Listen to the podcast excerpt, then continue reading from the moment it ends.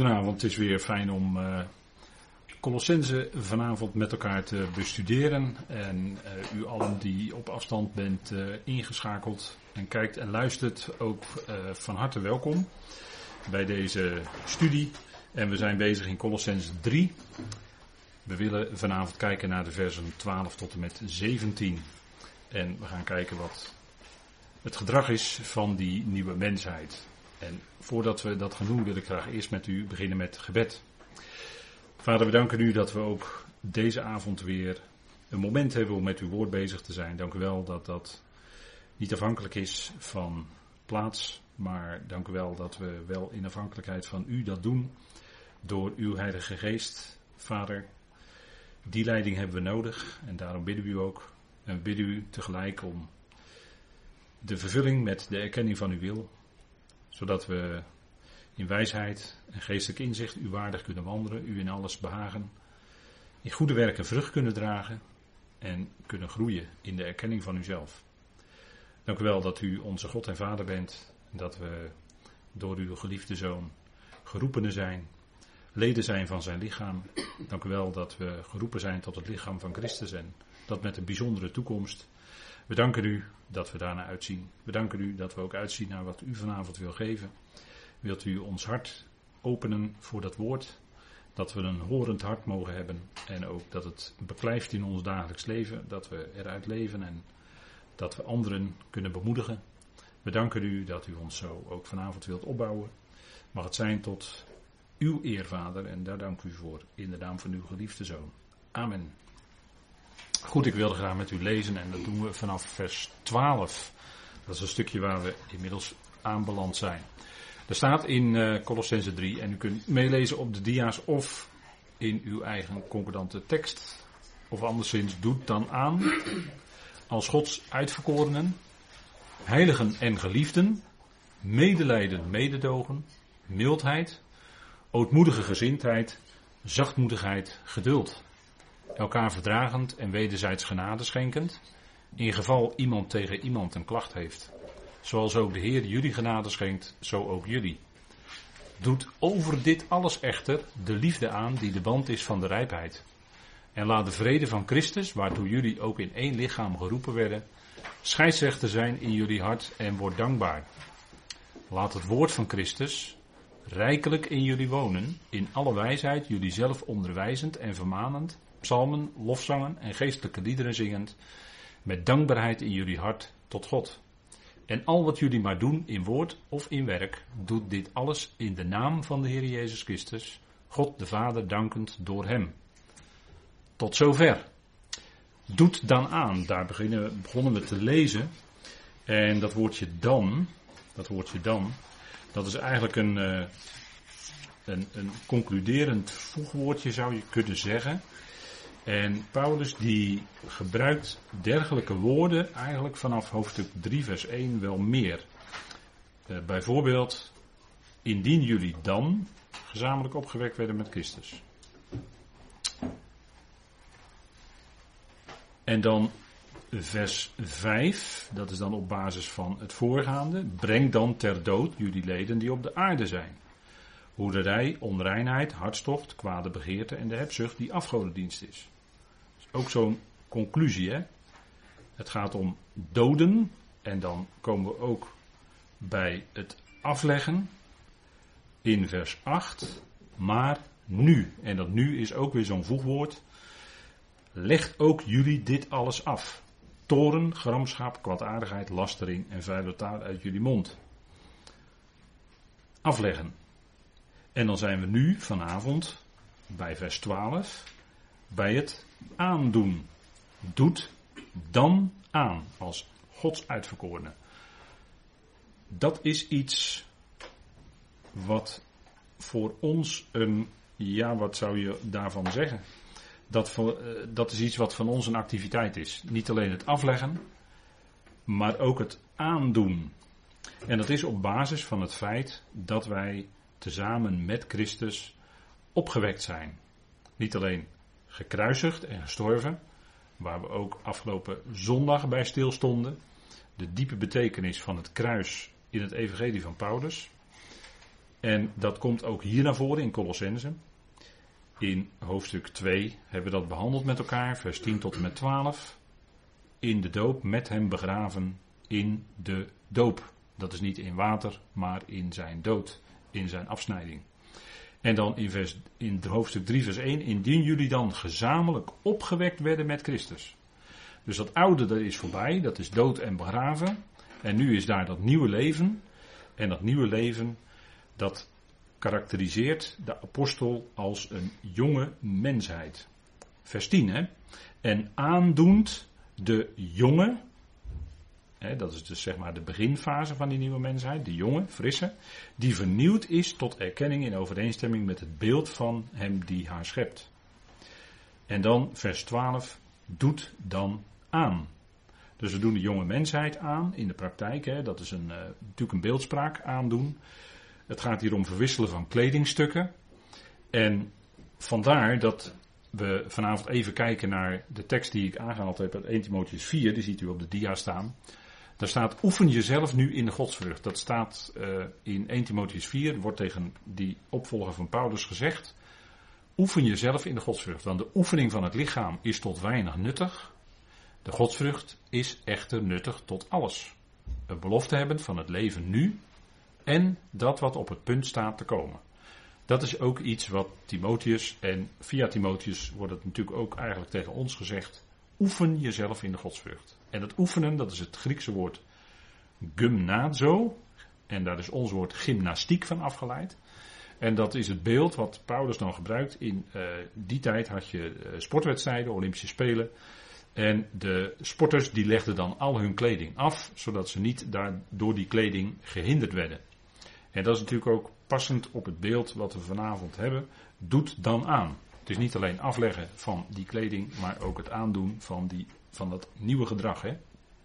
En het oefenen in de godsvrucht, dat is in feite wat ook hier in Colossense 3 vers 12 staat.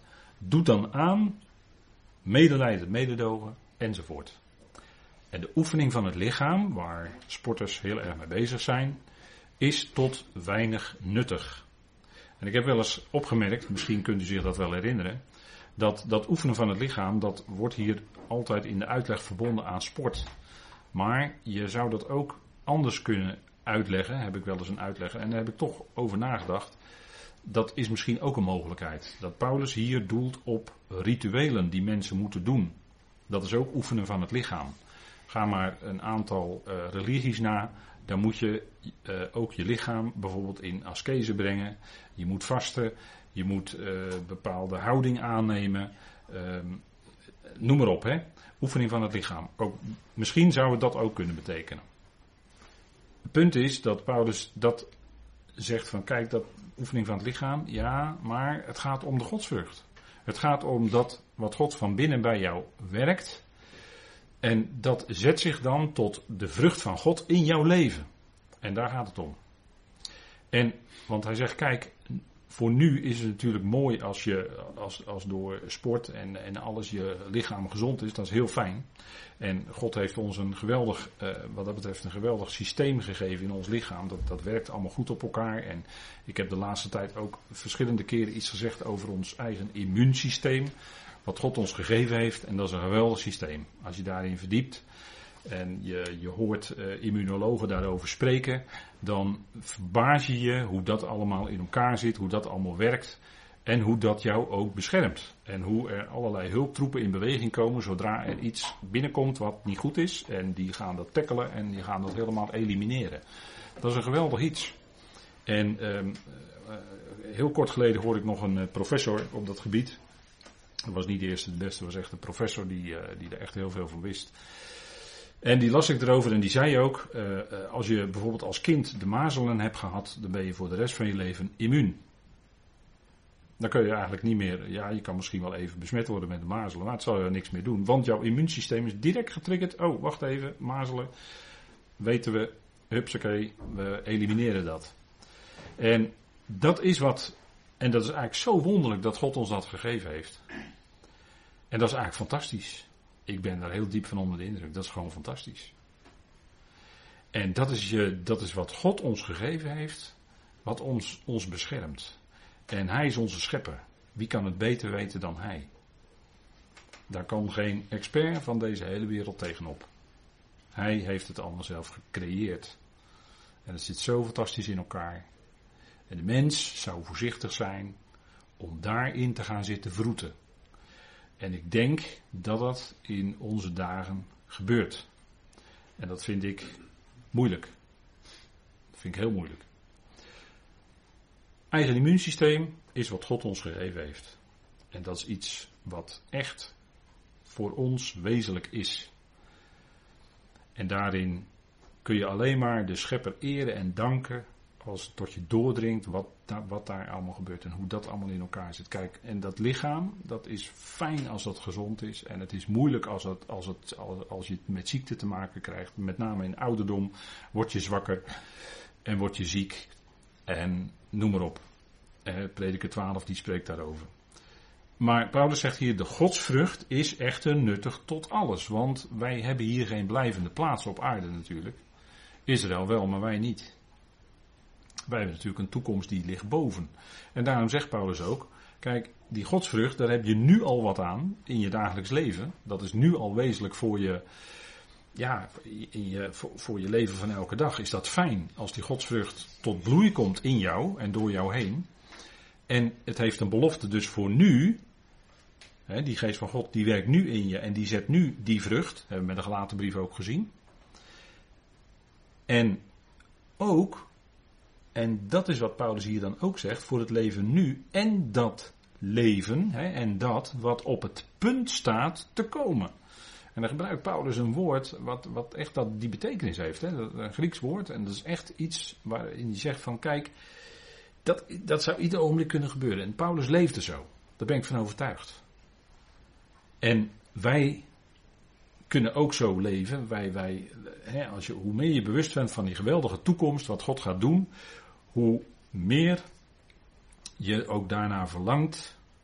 En hoe sterker die verwachting je ook in je dagelijks leven kracht geeft om ook die nieuwe dag weer in te gaan.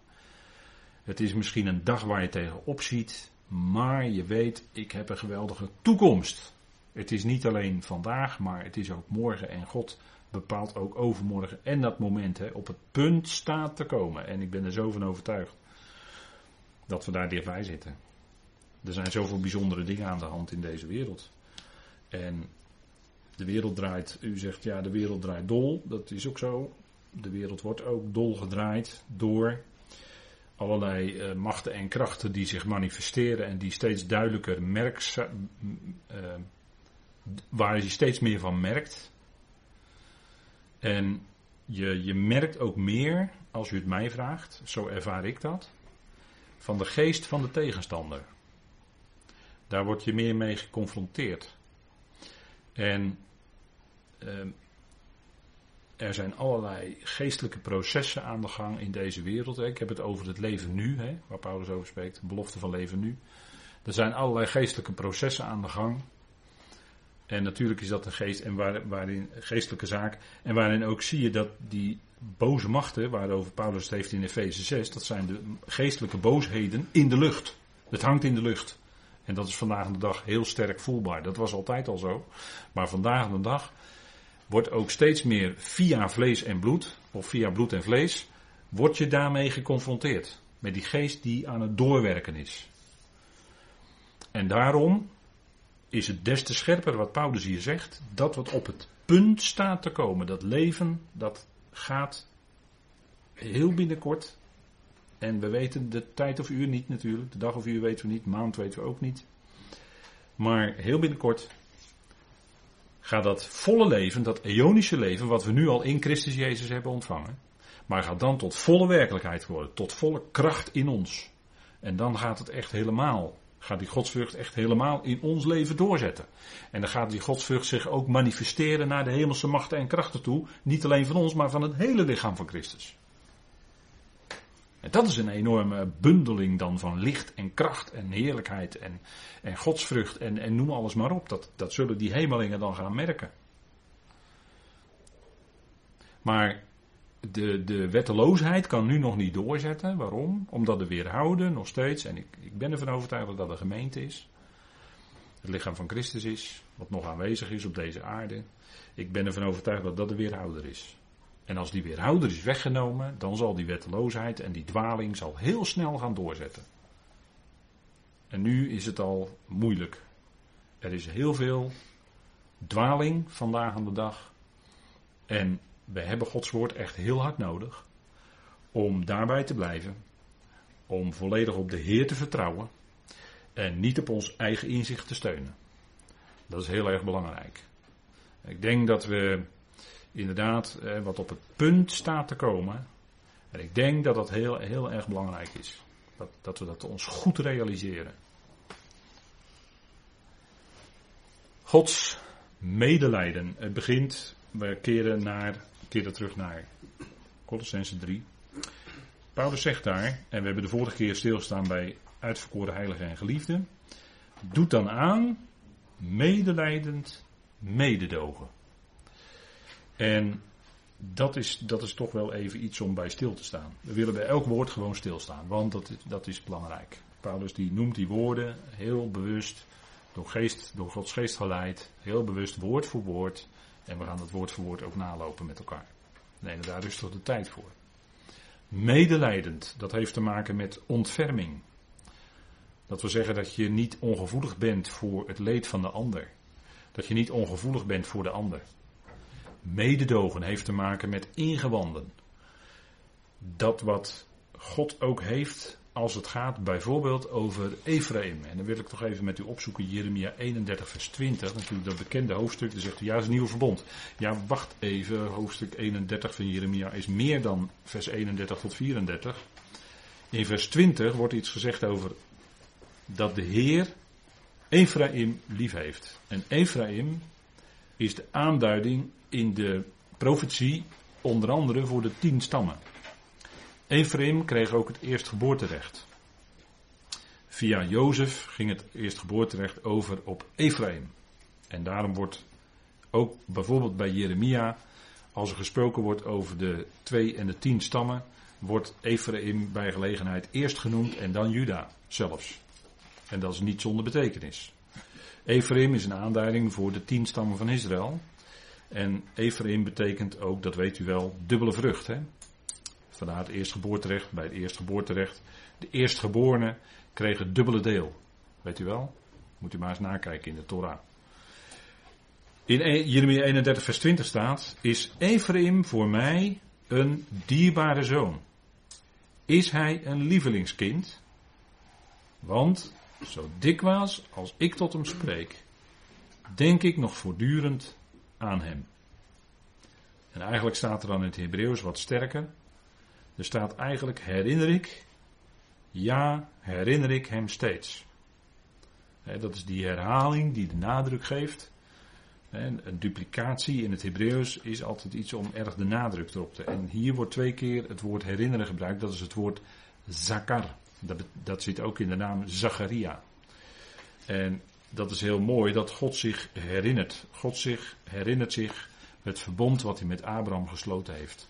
God herinnert zich de beloften die hij aan Abraham, Isaac en Jacob gegeven heeft. En dat loopt via Ephraim door. En daarom staat er ook, daarom is mijn binnenste, en dat is het verband met onze tekst uit Colossense 3, daarom is mijn binnenste onrustig over hem. Eigenlijk staat het in het Hebreeuws wat sterker. Er staat eigenlijk heftig bewogen over hem. Ik zal mij zeker over hem ontfermen, spreekt Yahweh. En ook hier hebben we weer die herhaling in het Hebreeuws. Eigenlijk staat er, ik heb ontferming, ja ontferming over hem, zegt Yahweh. Dus er wordt twee keer het woord racham, rechem of rachamim. Rechem wordt gebruikt en uh, rechem is ook het woord voor baarmoeder. En dat betekent dus de meest veilige plek. Was dat altijd voor een groeiend kindje. De baarmoeder. Daar waar het meeste liefde is. Daar waar het meeste geborgenheid is. Maar ik moet er wel bij zeggen. Sinds de jaren tachtig is er abortuswetgeving. En zijn er miljoenen en miljoenen en miljoenen geaborteerd. Dat is niet een onderbreking van een zwangerschap, dat is een eufemisme. Het is het doden van een kindje. Het is het afbreken van de zwangerschap. Dat is het. Huiveringwekkend wat we aan het doen zijn. En uh, als je dan afvraagt, kijk, die, die, uh, wij zijn niet gesteld tot verontwaardiging van God. Hè? Maar denkt u nou dat alles wat we aan het doen zijn als wereld vanaf de jaren tachtig, met al dat aborteren, denkt u dan dat die verontwaardiging van God niet gaat komen? Ja, die gaat wel komen hoor. Dat, dat kan niet zomaar zo ongemerkt door blijven gaan. God zwijgt. Waarom? Omdat het nog steeds de tijd is van genade. Verzoening. Ja. Maar die verontwaardiging van God die gaat wel komen. Want we hebben toch ook bij openbaring gelezen dat de zonden opstapelen tot aan de hemel. En als het zover is opgestapeld, dan gaat die verontwaardiging die gaat komen. De verontwaardiging van God. En dat is niet misselijk. Dat hebben we ook in openbaring gezien. Hè? Openbaring 6 tot 19 spreekt daarover. Dat is allemaal nog toekomst. Maar het is huiveringwekkend wat er dan gaat gebeuren. Dan zullen de mensen de dood zoeken, maar hem niet kunnen vinden. Dan zullen. Eh, wat het is, weet ik niet precies. Johannes kon het niet goed beschrijven, maar die komen dan ergens uit de afgrond op. En die zullen dan maandenlang de mensheid steken, steken toebrengen als schorpioenen. Zal vreselijke pijn bij de mensen opleveren. Verschrikkelijk. Maar dat staat allemaal in openbaring. En niettemin, niettemin blijft Israël door God geliefd. Ook al moeten zij door grote verdrukking heen gaan. Er moet nog een tijd komen waar ze. Kijk, we ervaren nu druk in de wereld. Maar dit is nog maar het begin. De grote verdrukking. Denkt u erom dat dan de druk veel en veel groter is dan nu? Dan, heeft u, dan hebben de mensen veel en veel meer beperkingen dan nu. Dat gaat allemaal komen. Dat moet komen. En nochtans gedenkt God aan zijn verbond met Israël, met Abraham, Isaac en Jacob. Hij denkt aan de woorden die hij heeft gesproken door de profeet tot Ephraim. En hij vergeet Ephraim niet. Hij vergeet Juda niet. God zal tot zijn doel komen met zijn volk. Het is zijn uitverkoren volk, het is zijn oogappel, hij heeft het lief. Maar ook zij zullen door een moeilijke periode heen moeten. Maar dat, dit zegt iets over Gods innerlijk, over Gods ingewanden. Dat is natuurlijk beeldspraak. Maar het gaat om Gods innerlijk. Als hij aan Ephraim denkt, dan is dat die liefde van binnen bij hem, die beweegt, die hem van binnen beweegt, om zich te ontfermen en daadwerkelijk barmhartig te zijn over zijn volk. En, en dat is wat het woord, wat, wat, wat de achtergrond is van Paulus' opmerking in Colossense 3. En ook Zacharias, hè, toen uh, hij uh, Johannes had gekregen, toen kon hij weer spreken.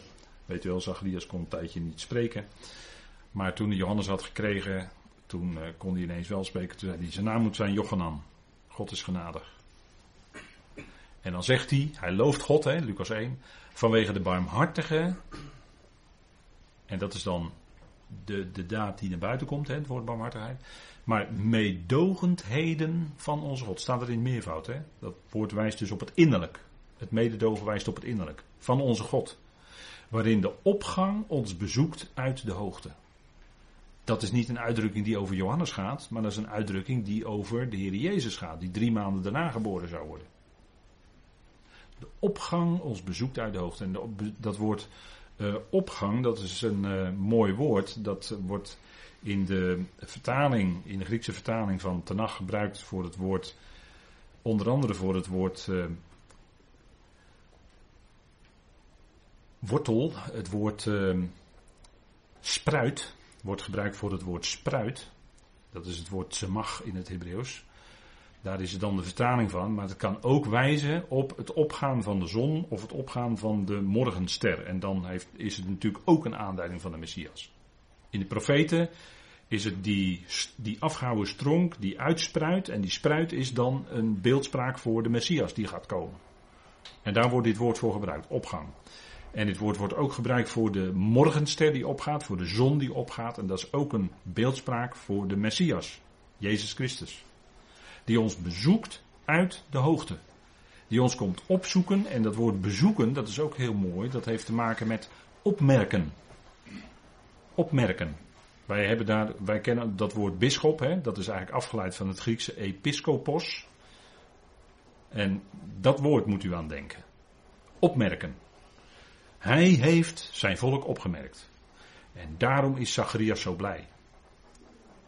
Ja, herinnert zich, hè. Zakar, ja, is zijn naam die dit zegt. Ja, herinnert zich en daarom stuurt hij de Messias. Prachtig.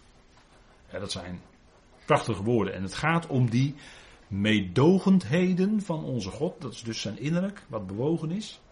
En dat uitzicht dan in barmhartigheid. En dat wordt ook gebruikt bijvoorbeeld over de Heer Jezus zelf. Dan gaan we van God de Vader naar zijn Zoon. En daar zien we dezelfde geest. De geest van ontferming, van barmhartigheid. Liefde dus. De Heer was met innerlijke ontferming bewogen over zijn volk. Toen hij te midden van hen was. Hij kwam tot het zijne, maar de zijne hebben hem niet aangenomen, zegt Johannes. Hè? Maar hij was niettemin met innerlijke ontferming bewogen over zijn volk. En hij genas daarom. Hij genas die blinden. ik heb een rijtje teksten op deze dia gezet. En die moet u maar eens nalopen. Het is geen uh, complete reeks, maar het zijn zo'n aantal teksten waarin gemeld wordt dat de Heer Jezus toen hij op aarde rondwandelde met innerlijke ontferming bewogen was over zijn volk. En hij kwam die blinden tegen. En daarin ontmoette hij de blindheid van zijn eigen volk. Dat was natuurlijk een beeld van de geestelijke verblinding waarin zijn volk was. En hij opende de ogen van die blinden. En dat was natuurlijk profetisch typologisch. Dat ook de blindheid van Israël zal worden weggenomen. Nu zijn ze nog door een geest van verdoving bevangen. En als ik zeg bevangen door een geest van verdoving, dan denk ik ook aan vandaag. Vandaag is nog steeds Israël bevangen als, als hele volk, bevangen door de geest van verdoving. Zij kunnen het niet zien, zij erkennen Jezus niet als een Messias, helaas. Er zijn er wel, maar dat zijn relatief weinig Joodse mensen die Jezus erkennen als hun Messias. Je zou graag willen dat het er meer zijn, maar het is nog niet Gods tijd. En niettemin bidden we voor dat hele volk. Ook al zijn ze verblind, ook al zijn ze verdoofd, nog steeds. Maar er zal een moment komen dat God die geest van verdoving wegneemt. Zegt Paulus in Romeinen 11. dat, is, dat die verharding over Israël is voor een deel. Het is niet voor altijd en het is ook niet over het hele volk. Er is altijd een gelovige overblijfsel. Ook vandaag is er een gelovige rest in dat volk. Daar gaat Romeinen 11 ook over. En Romeinen 9 trouwens ook. En hij sprak tot hen in gelijkenissen. En dat deed hij om dingen te verbergen. Dat daar is altijd een misverstand over. Aan kinderen wordt altijd verteld dat de Heer Jezus in gelijkenissen uit het dagelijks leven vertelde en dat dat waar was, maar dat, dat, daar zit toch iets aan. En ik denk dat als je, als je zonneschool geeft aan kinderen, dat je dat volgens mij op kinderlijk niveau moet kunnen aangeven. Dat de Jezus gelijkenissen vertelde, maar dat hij met die gelijkenissen eigenlijk andere woorden sprak en iets mee bedoelde. En later het aan zijn discipelen uitlegde. En volgens mij kun je dat aan kinderen ook uitleggen.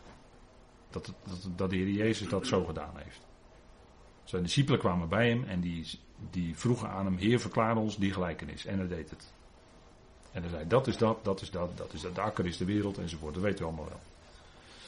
Hij sprak dat in gelijkenissen. Maar hij sprak dat in gelijkenissen ook over. Ook over. Die. Uh, ja, u weet wel, die uh, Samaritaan. Hè? Lucas 10 heb ik aangehaald. Die Samaritaan. Die zag die man langs de kant van de weg liggen. En die Samaritaan die was met innerlijke ontferming bewogen. De priester en de leviet gingen voorbij aan de overkant van de weg. Dat had ook een reden. Maar die gingen voorbij. Die hielpen hem niet. En ik denk dat dat de onmacht was van de wet. Maar goed. De Samaritaan, die hielp hem wel. En in mijn vertaling las ik het vanmiddag en toen werd ook terecht het woord Samaritaan met een hoofdletter S geschreven. Want het is de Heer zelf natuurlijk. De Heer zelf is die man in die gelijkenis, is die Samaritaan in die gelijkenis. En die is met innerlijke ontferming bewogen over. Die man die verwond lag langs de kant van de weg. Ja, ook leden van zijn volk. Dat zijn allemaal beelden, hè? Prachtige, prachtig verhaal wat de Heer Jezus vertelt. Meesterlijk. En hij vertelde ook over, en dat plaatje heb ik hier ook aangebeeld, over de verloren zoons. Meervoud, hè? Want die zoon die thuis kwam nadat hij uh, bij de varkens enzovoort, uh, ver land weg geweest. En... Kijk, die vader die stond op de uitkijk. En die stond dus iedere dag op de uitkijk, want toen hij, hij zag hem uit de vet al aankomen. Dus die keek elke dag die weg af, komt hij er al aan. Dat is die innerlijke ontferming van die vader. Die was met innerlijke ontferming bewogen over die zoon die terugkwam. Natuurlijk kun je terugkomen, natuurlijk. Vader, ik heb geen zondag tegen de hemel en tegen u. Hij hoefde dat niet te doen. De vader vroeg er niet om. Van je moet eerst op je knieën, je moet eerst berouw tonen. Wel nee. Hij stond met open armen klaar. Kijk, dat is God. Dat is het beeld van God. Dat is de innerlijke ontferming waarmee God bewogen is over die zondaar. Als je dat, eh, er zitten heel veel lagen hoor in, in dit verhaal natuurlijk wat de Heer Jezus vertelt. Het is een deel van een gelijkenis. Hè. Een vijfdelige gelijkenis. Prachtig. En, en je kan het aan je kleinkinderen voorlezen. En dan kan je al ietsje proberen aan te geven, die kleine dingetjes even zo. En zitten ademloos te luisteren. Prachtig. Verloren zoons. Kijk, die andere zoon, die wilde niet deelnemen aan het feest. Dat was degene die altijd thuis was geweest. Dat was degene die het altijd, die altijd zijn vader gediend had. En die vond dat hij het altijd goed had gedaan. En die vond dat hij veel had gedaan. Die was niet zoals die zoon. Nee, hij was, hij was beter eigenlijk. Dus hij wilde niet deelnemen aan het feest. Hè. De vader zei: Doe, doe hem een mooie mantel om en, uh, en uh, slacht het beste wat ik heb. En, enzovoort. Want het is feest, die zoon is teruggekomen. Maar die andere die, die was buiten, die wilde niet binnenkomen. En wat de Heer Jezus natuurlijk daarmee laat zien is. Kijk, die verloren zoon is een beeld van die medemens, die Joodse mens die hij tegenkwam, die wel in hem geloofde, maar dat waren de hoeren en de tollenaars. En die wisten van zichzelf dat ze hem nodig hadden als redder. En die andere, die zoon die buiten stond, die verongelijkt was. En uh, ja, ja hij, heeft, zijn hele vermogen er al, heeft zijn erfdeel er al doorgebracht, dit en dat. Dat is een beeld van de fariseeën en schriftgeleerden. Die hielden zich aan de wet, althans dat zeiden ze. De Heer Jezus prikte daar natuurlijk doorheen. Maar dat is een beeld van die fariseeën en schriftgeleerden. Die hielden zich aan alle regels, die waren netjes. Althans aan de buitenkant. Hielden zich eraan. Maar die vader had die andere zoon ook lief, die buiten stond. Want daar eindigt het. Het is eigenlijk een, een verhaal met een open einde. Die vader is buiten bij die zoon. Want die zoon moest ook binnenkomen. Dat was toch de liefde van de vader ook voor die zoon. Die moest ook binnenkomen. En pas dan zou die vader pas echt thuis kunnen komen. Kijk, dat zit er ook in. dat is, ja, dat zijn van die geweldige verhalen die de Heer vertelt. En, en natuurlijk, men zei ook onder het volk, er heeft nog nooit iemand gesproken zoals hij sprak. Nee, hij sprak anders toch dan de profeten. Natuurlijk was hij de profeet, de allergrootste, waar alle anderen bij verbleken. Maar hij was degene die sprak zoals nog nooit iemand had gesproken en ze stonden versteld over wat hij onderwees. Staat meerdere keren. Hè? Kijk, de wet kende weinig mededogen. Dat is het punt. Je moet het ook tegen die achtergrond zien. Hè? De wet zei oog om oog, tand om tand. De wet zei de man die hout sprokkelt op de Sabbat, lees het maar na in numeri, die moet gedood worden, want hij werkt op de Sabbat. En de Sabbat, het woord zegt het al, ophouden, stoppen, dan moet je stoppen met werken. Daarom stond de Heer ook op op een Sabbat. Daarom ging hij met zijn discipelen ook aarde plukken op de Sabbat. Dat soort zaken. De wet kende geen mededogen. Paulus zegt in 2 Korinthe 3, en ik citeer Paulus, de wet is een bediening van de dood. De wet is een bediening, het oude verbond, het verbond der letter noemt hij het daar, maar dat is het oude verbond. Dat is de wet. Dat is een bediening van veroordeling. Dat is geen bediening van de vrijheid. Nee, Paulus wijst die weg wel. Kijk, de geest, daar waar de geest van de Heer is, daar is vrijheid. Daar is de genade. Wet is een totaal ander principe dan genade. En dat maakt de Heer Jezus als, een, als, als geen ander duidelijk. In de verhalen die hij vertelde, verloren zoon. De wet zou zeggen, je moet eerst maar berouw tonen, je moet eerst maar eens een paar jaar werken om je goede gedrag te laten zien, dat je het echt meent enzovoort. Dat is de wet. Zo zijn wij. Mensen. Laat het eerst maar eens zien. Nee, de genade zegt, armen wijd open, welkom. Wil je komen? Welkom. Wil je luisteren? Welkom. Wie het ook is, dat is de genade. Dat is de vrijheid. Die stelt geen voorwaarden. Genade is onvoorwaardelijke liefde van God. Daarin zijn we geroepen, daar leven wij in. En als iemand wil komen luisteren, dan kan hij komen luisteren. Wie het ook is. En dat is ook de tafel, hè. Even afgezien eh, de tafel van de Heer. Goed. Iedereen is welkom. Het is de tafel van de Heer. Als je, als je dat doet, je moet zelf weten of je het wel of niet doet, maar als je dat doet, het is de tafel van de Heer, het is jouw tafel niet. Dus jij kan niet zeggen, die en die, zoals het in groepen gaat, mogen niet aangaan, hè, zoals ze dat noemen, dat is het jargon, hè, mogen niet aangaan. Wel nee, het is de tafel van de Heer. Het is zijn tafel. En als hij uitnodigt en je komt daar zitten, ben je welkom. Dat is de genade. En het punt is dat die innerlijke ontferming waarmee de Heer bewogen was, dat was natuurlijk, dat is het hart, dat is het karakter van God, zoals het ook in Tenach naar voren komt. Maar dat neemt niet weg dat de wet zoals die gegeven was een bediening van veroordeling was. En ja, dat, dat zijn natuurlijk eh, die principes. Hè, dat, dat is zo ontzettend belangrijk dat we dat goed doorhebben. Staat dan in de vrijheid waarmee Christus jullie vrijgemaakt heeft. En laat je niet opnieuw een slavenjuk opleggen. Het verdraagt elkaar niet. Wet en genade, het verdraagt elkaar niet. Regels stellen en opleggen en genade, het verdraagt elkaar niet. We leven door de geest. En dat is vrijheid. Kijk, als het gaat om het binnenste, 2 Korinthe 6, hè, dat zei Paulus ook tegen de Corinthiërs. In ons worden jullie niet benauwd. Jullie echter worden benauwd in jullie innerlijke gevoelens. Gaat weer om dat innerlijk, hè? Dat is zo ontzettend belangrijk. Innerlijk is zo ontzettend belangrijk. Hoe je de dingen beleeft. We leven, maar hoe beleef jij de dingen? Dat is ontzettend belangrijk.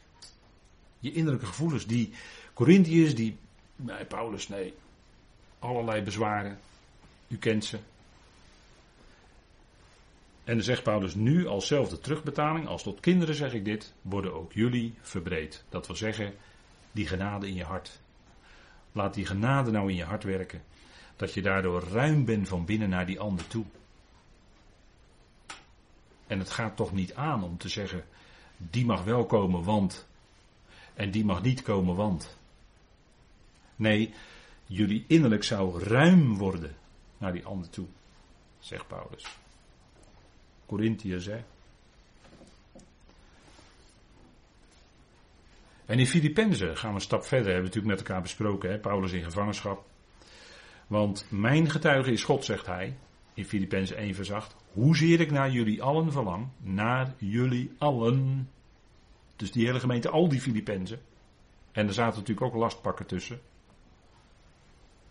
En ook mensen met hè, medebroeders en zusters die het niet met Paulus eens waren. Die zaten er ook tussen. Anders zou die niet die dingen hebben geschreven die hij schreef aan hen. Naar jullie allen verlang ik, want hij bad voor al die Filippenzen. Met het mededogen van Christus Jezus. Alsjeblieft. Het mededogen van Christus Jezus. Paulus had geen eigen belangen. Nee, Paulus had maar één belang op het oog, dat is het belang van Christus Jezus. Daar ging het om. Hij verlangde naar al die Filippenzen met het mededogen van Christus Jezus. Mededogen komt voort natuurlijk uit liefde. Dat is tegenovergestelde van onverschilligheid. Kijk, zo werkte het bij Paulus, ons voorbeeld. Wees mijn navolgers, zegt Paulus, zoals ook ik Christus Jezus navolg. Nou, wil je een goed voorbeeld hebben? Kijk naar die apostel. en ga die navolgen. Dat is het goede voorbeeld.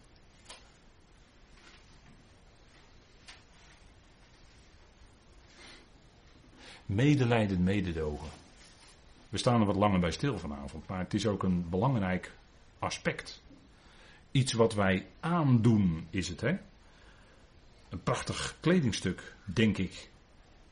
En het is altijd fijn als je nieuwe kleding krijgt. Want dan staat weer fris, staat mooi. Staat, hè, dan, ben je weer, eh, dan zie je er weer uh, tip-top uit, hè, zoals we dat dan wel eens tegen elkaar zeggen. Nou, dat is dit. Medelijden, mededogen. Doet dat aan. En Paulus die zegt, kijk, dat is, dat, wat, heeft, wat is dat nou, wat betekent dat nou? Innerlijk bewogen deelname aan die ander. En dan ben je uit op die ander om die te troosten, te verkwikken en te helpen. Dan ben je er toch niet uit, op uit om die ander met je vinger na te wijzen. En te, laat ik maar zeggen, beoordelen. Zo zijn we toch niet onderling met elkaar bezig. Laat staan dat we de ander om welke reden dan ook wegzetten. Dat is toch een mede-gelovige. En we leven toch uit geloof. We leven uit geloof. En dan kunnen we over de omstandigheden, de maatschappelijke omstandigheden, kunnen we onderling als gelovigen van mening verschillen. Dat kan. Maar we zijn toch mede gelovigen met elkaar. Eén in het lichaam van Christus. En daarom zegt Paulus, doe dan aan, als Gods uitverkorene heilige en geliefde, medelijdend mededogen. Dat is wat anders dan met je vingertje wijzen naar die ander. Of dat vingertje opheffen naar die ander, dat kan ook nog. Je hebt zo van die, van die gelovigen, als je die uh, een tijdje meemaakt, op een avond of een, of een paar uur, dan uh, uh, in, in, in, in welke setting dan ook, dat maakt maar niet uit. Maar dan heb je van die gelovigen dan elke keer op een of andere manier klinkt dan bij die, bij die medegelovigen vermaning. Elke keer weer. Waarvan je dan wel eens denkt van, ja, maar wij zitten toch niet bij elkaar om elkaar steeds maar te vermanen en elkaar de maat te nemen. Dat toch niet? Waar is dan dat medelijdend mededogen, vraag ik me af. Waar is dan die genade? Waar is dan die vrijheid? En kijk, dat, dat woord vermanen is ook, ja, eigenlijk heeft het te maken met, uh, meer te maken met aanmoedigen.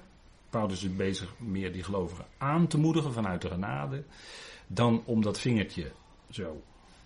Daar is hij niet mee bezig. En, en natuurlijk kennen we ook het woord terechtwijzen, maar ten diepste is het woord terechtwijzen, is je denken in de goede richting zetten. Als je het vanuit het Grieks even heel letterlijk neemt. Hè? Je denken plaatsen in de goede richting. Dat, dat is van belang. En ik denk dat het veel meer daarom gaat. Dat, dat, dat ons denken, dat onze gedachten gezet worden door Gods woord, door de genade in de goede richting.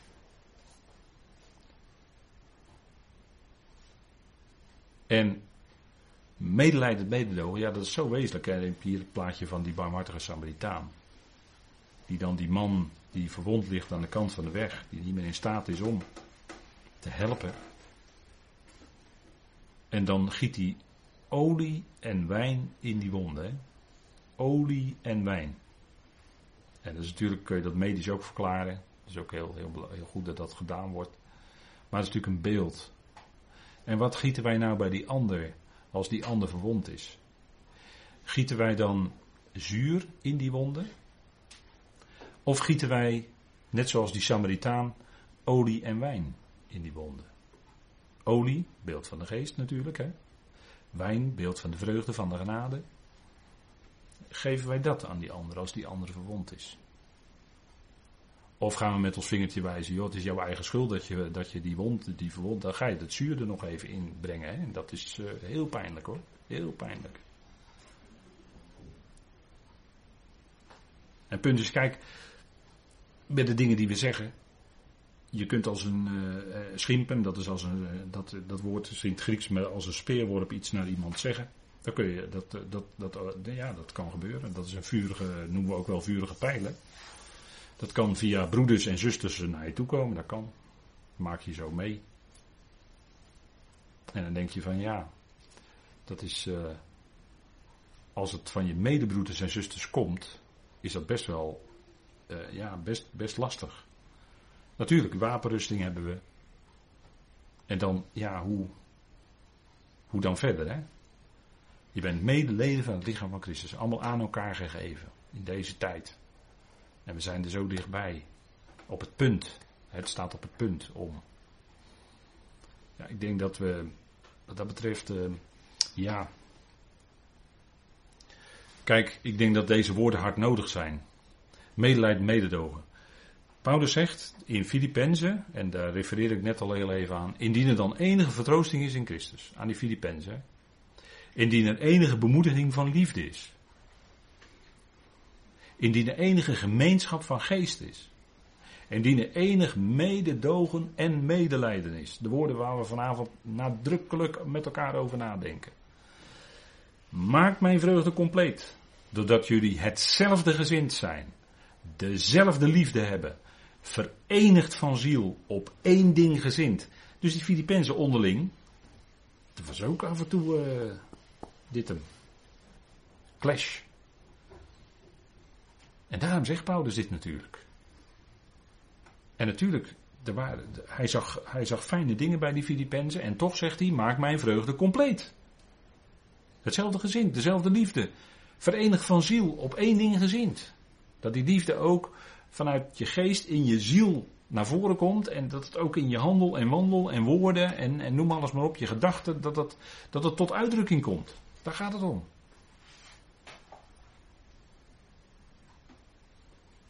En dat, dat medelijden, mededogen is het innerlijk, hè? Maar, en het innerlijk, dat leidt er dan toe dat het ook naar buiten komt in, een, in, in, in barmhartigheid. Want barmhartigheid is iets wat je dan vervolgens ook doet. Ik denk dat het veel fijner is om elkaar te bemoedigen en aan te moedigen vanuit de liefde. Dan eh, elkaar op de, op de gebreken en de fouten te wijzen. Want ik denk dat we dat van onszelf heel goed weten in het licht van de schrift. Dat er hier en daar nog wel, wat, wel eens wat aan schort. Dat we hier en daar nog wel eens wat tekortschieten. Ik denk dat we dat allemaal heel goed zelf weten. Dat hoeven we niet van elkaar nog eens een keer, ook nog eens een keer te horen krijgen horen.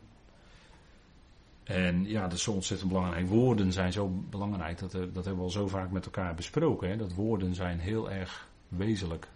Wat zeg je nu? Kijk, mildheid. Hè? Mildheid, daar, daar zit het woord bruikbaar in. Hoe ben je nou naar die ander? En dan beginnen we weer bij God. We beginnen weer bij het hoogste. Paulus zegt in Romeinen 2: Veracht je de rijkdom van zijn mildheid en draagkracht en geduld. Niet erkennen dat zijn mildheid, hè, die mildheid van God, je tot nadenken, hè, er wordt altijd bekeren en dan, nou ja, met het woord bekeren, daar, ik vind dat er zoveel ballast aan vast zit. Nadenken is het. Metanoia, metanoeo in het Grieks, hè, dus nadenken. Denk na over wie God is. Als hij je nou zo geschapen heeft, als die schepping nou zo in elkaar zit, er moet toch wel een geweldige heerlijkheid en liefde achter zitten. Dat, dat het allemaal zo met elkaar harmonieert en dat het allemaal zo geweldig werkt. Die, die God, moet, ja, dat, moet een God zijn, dat kan niet anders. En die God die, die moet geweldig zijn, die moet heerlijk zijn, die moet, die moet zo'n geweldig vermogen hebben om zulke dingen te kunnen maken. Erkennen. Erkennen, dat is een woord wat we nadrukkelijk ook hier in Colossense met elkaar besproken hebben. dat gaat verder dan alleen gewoon kennis nemen van. Nee, erkennen, dan zinkt het dieper in je binnenste naar binnen. Dan ga je het steeds meer bewust worden. Dan ga je het steeds meer beseffen. Je gaat steeds beter en, en dieper verstaan dat. Dat heeft allemaal met het woord erkennen te maken. Die mildheid van God. En dat maakt jou ook mild. Naarmate je zijn mildheid meer gaat waarderen, word je, je daardoor zelf ook een milder mens. En ik denk dat dat de inwerking is van de genade, van Gods geest, van het evangelie. Wat God gedaan heeft. En dat is ook het resultaat, denk ik, hè, als je zo kunt zijn, naar het voorbeeld van de apostel zelf, die zo veranderd was. Weet u, dat is de, dat is de consequentie, dat is het gevolg, moet ik zeggen, dat is het, de, de uitwerking van het kruis. Dat kruis was zo enorm belangrijk, zo enorm fundamenteel. Zo bepalend eigenlijk voor alles. Daar is al dat oude is allemaal weggedaan. En daarom kunnen wij nu die nieuwe mensheid aandoen. Dat nieuwe. Die innerlijke bewogenheid. Echt vanuit de liefde van God voor die ander. En dat ook laten merken. En uh, mild zijn naar elkaar toe. Wat, wat, je, wat zich uit in, in hoe je bent naar die ander. Wat je zegt tegen die ander. Wat je zegt over de ander als je met anderen spreekt. Als je het al hebt over die ander hoor. Want laat dat dan opbouwend zijn. laat uw woord altijd in genade zijn, zegt Paulus toch. nou, die dingen allemaal. Maar dat is allemaal resultaat van het kruis. Dat is de uitwerking van het kruis in ons leven. Dat het oude is weggedaan. Zand erover. En het nieuwe, daar gaat het om. Die nieuwe mens in Christus, die is opgewekt. Je nieuwe identiteit in Christus. Dat is zijn leven in je. Ah, dat is zoiets geweldigs. En ja, dat is, dat is heel fijn, denk ik. Goed, we gaan even met elkaar een moment pauzeren.